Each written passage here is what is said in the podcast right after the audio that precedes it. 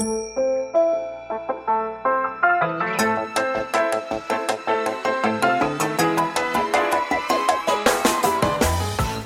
lieve luisteraars, welkom bij de Stories of Inspiration podcast van What's Your Story. De podcast waarin ik jou laat horen dat er achter ieder gezicht een inspiratiebron schuilt. En waarin ik jou heel veel tips ga geven over hoe jij meer naar buiten kunt treden met jouw authentieke verhaal. Heel veel plezier met luisteren en na afloop ben ik onwijs benieuwd wat je ervan vond. Stuur me een berichtje via Instagram als je wil reageren, als je vragen hebt of als je jouw verhaal ook zou willen delen. Veel plezier met luisteren!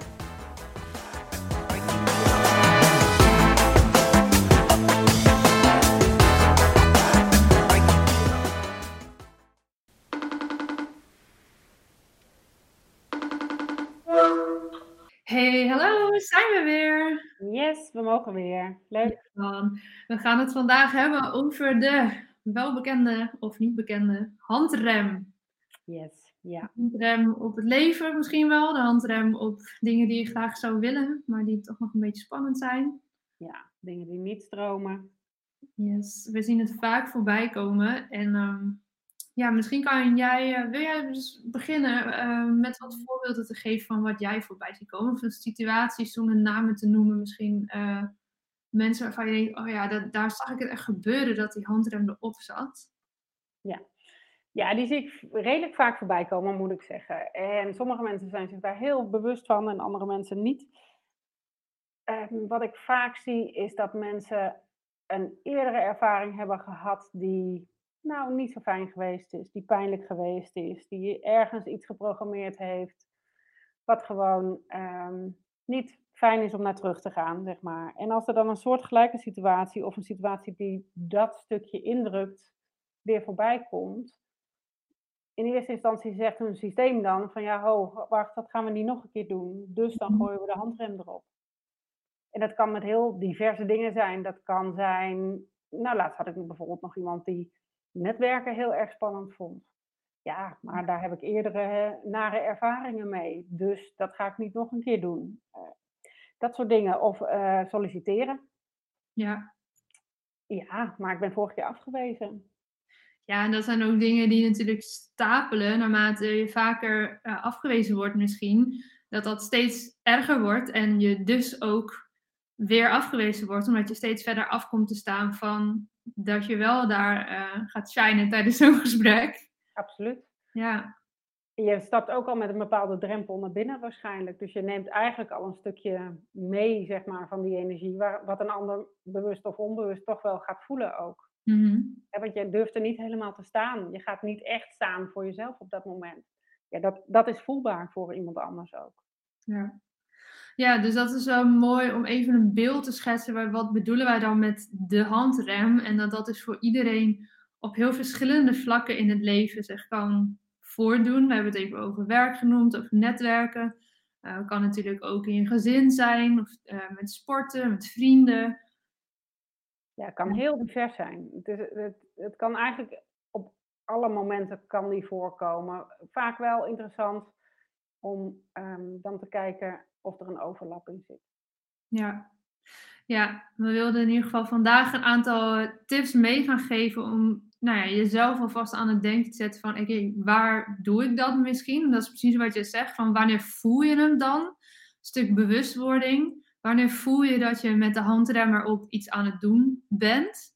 En wat jij net zei, van zit daar dan een bepaalde overlap in? Kun je gaan signaleren verschillende momenten, hey, nu ga ik met de handremmer op iets doen. En herkennen of dat misschien een bepaald patroon is op momenten waarin je dat doet. Heel vaak gaat er al iets aan vooraf. Dus heel vaak gaat er al een gebeurtenis of nou, iets vooraf wat jou herinnert aan dat je dus die handrem er al optrekt, zeg maar. En uh, soms is het niet eens de gebeurtenis zelf, maar iets wat er aan vooraf gaat. Of een, nou, hoe iemand iets zegt of brengt. Of iets wat je eerder hebt meegemaakt. En dan gaat uit soort zelfbescherming vaak die handrem er al op. Ja.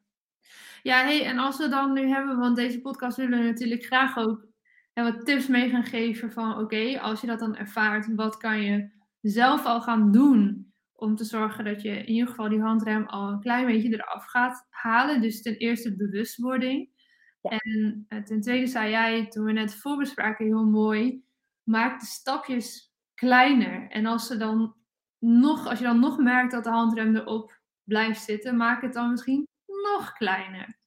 Ja, heel vaak verwachten we van onszelf dat we, ehm, dat als we een doel voor ogen hebben, dat we grote stappen moeten zetten.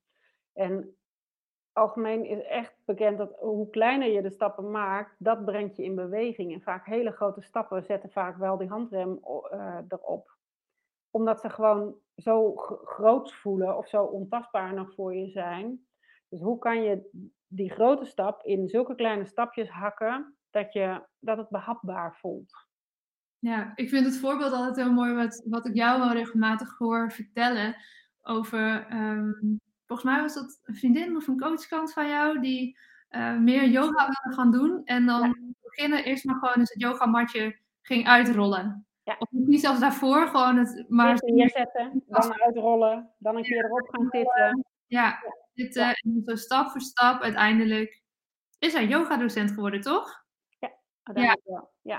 Fantastisch. Ja, dat, dat vind ik zo'n mooi voorbeeld van hoe je die stappen dus echt super klein kan maken om uiteindelijk in de long run prachtig resultaten mee te halen. En je doel waar je naartoe wil ook echt uh, te gaan bereiken.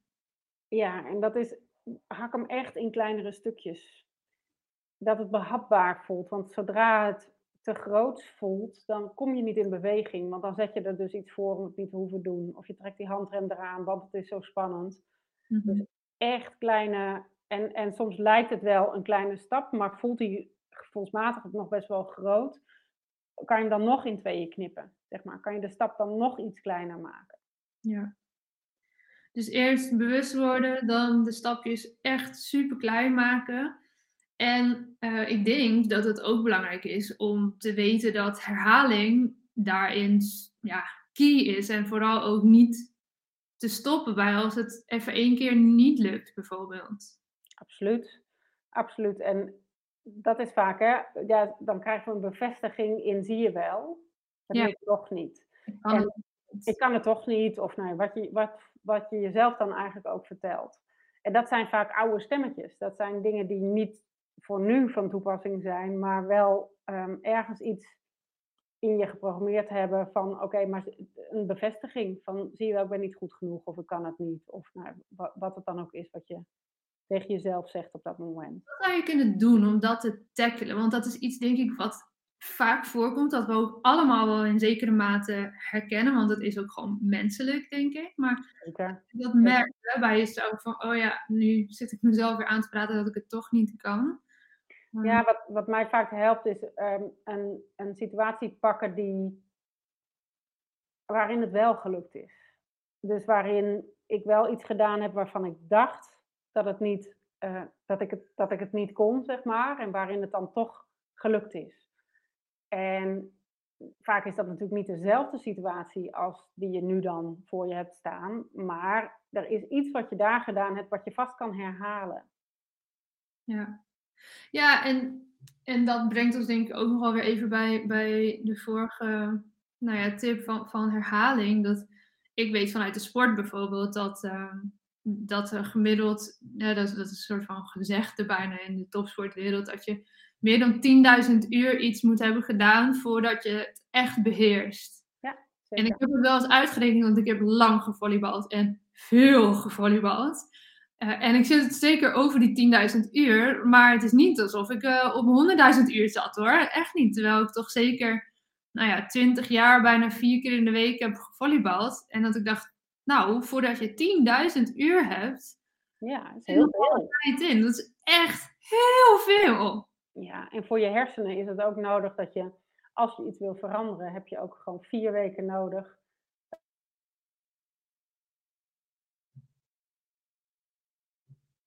Dus als je iets wil veranderen, stel um, je wil elke dag uh, gaan lopen, noem maar wat. Je wil elke dag um, de, vier kilometer lopen. Uh, dan moet je dat eigenlijk, om dat in je systeem te krijgen, in ieder geval vier weken doen.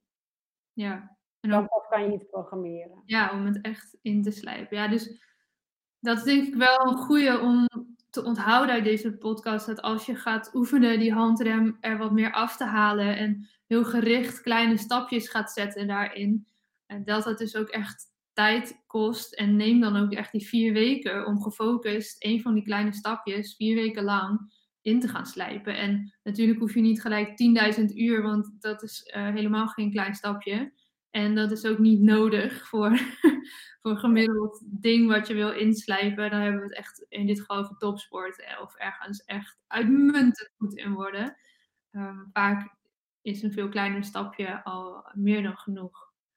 Ja, dus dat, dan de kracht van herhaling daarin, maar dus ook de herhaling van oké, wat is, hoe heb ik dat vorige keer gedaan en wat deed ik toen? Want dat kan je weer herhalen.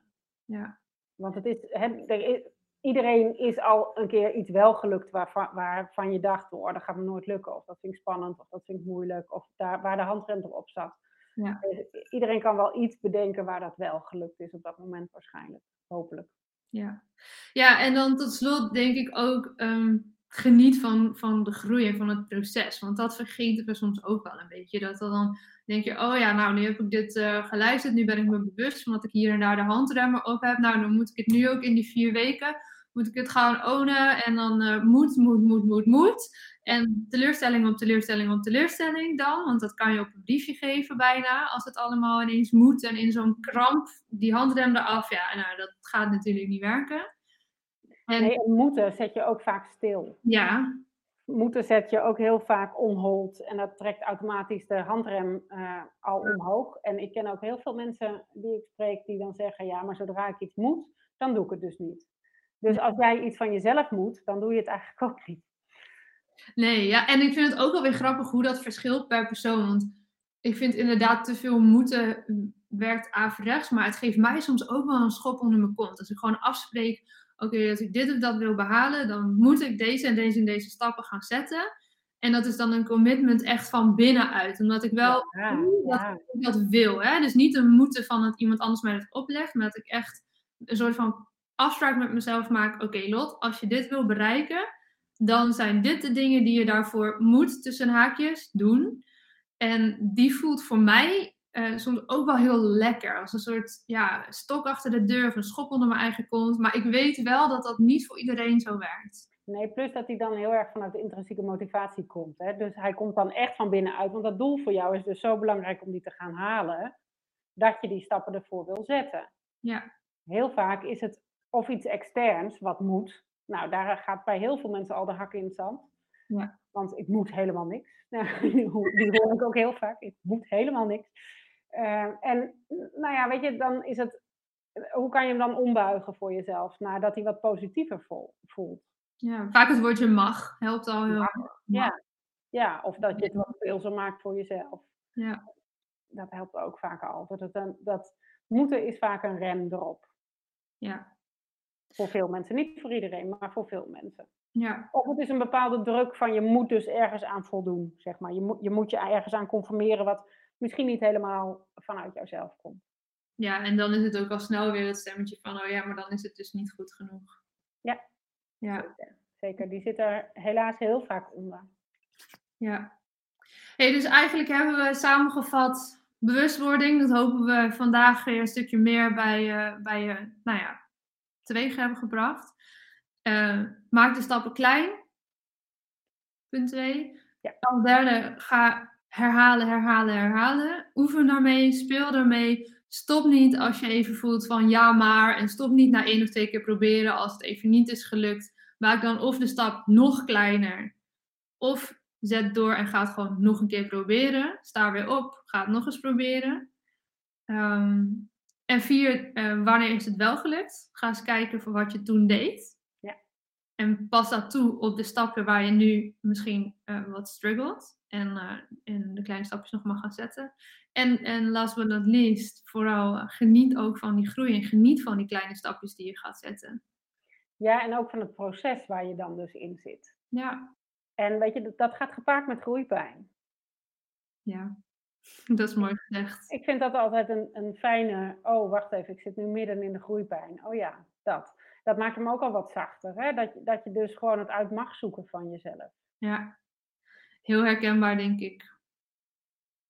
Voor het, gaat, het gaat ook over het proces. Weet je, als je, niet, als je alleen maar bezig bent met het doel, dan geniet je ook niet meer van het proces. Terwijl juist in het proces de leermomenten zitten en, en de ervaringen. Ja, en bovendien is het ook nooit genoeg. Want je hebt altijd wel weer een ander doel. En dan blijf je altijd een soort van onverzadigd met wat, er, wat je nu al helemaal hebt bereikt. En dat is doodzonde volgens mij.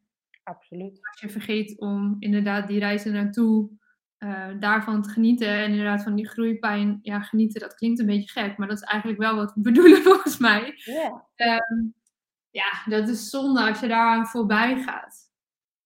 Ja, dan doe je jezelf tekort. Ja. Nou, fantastisch. Vijf dingen om mee aan de slag te gaan om die handrem ervan af te halen.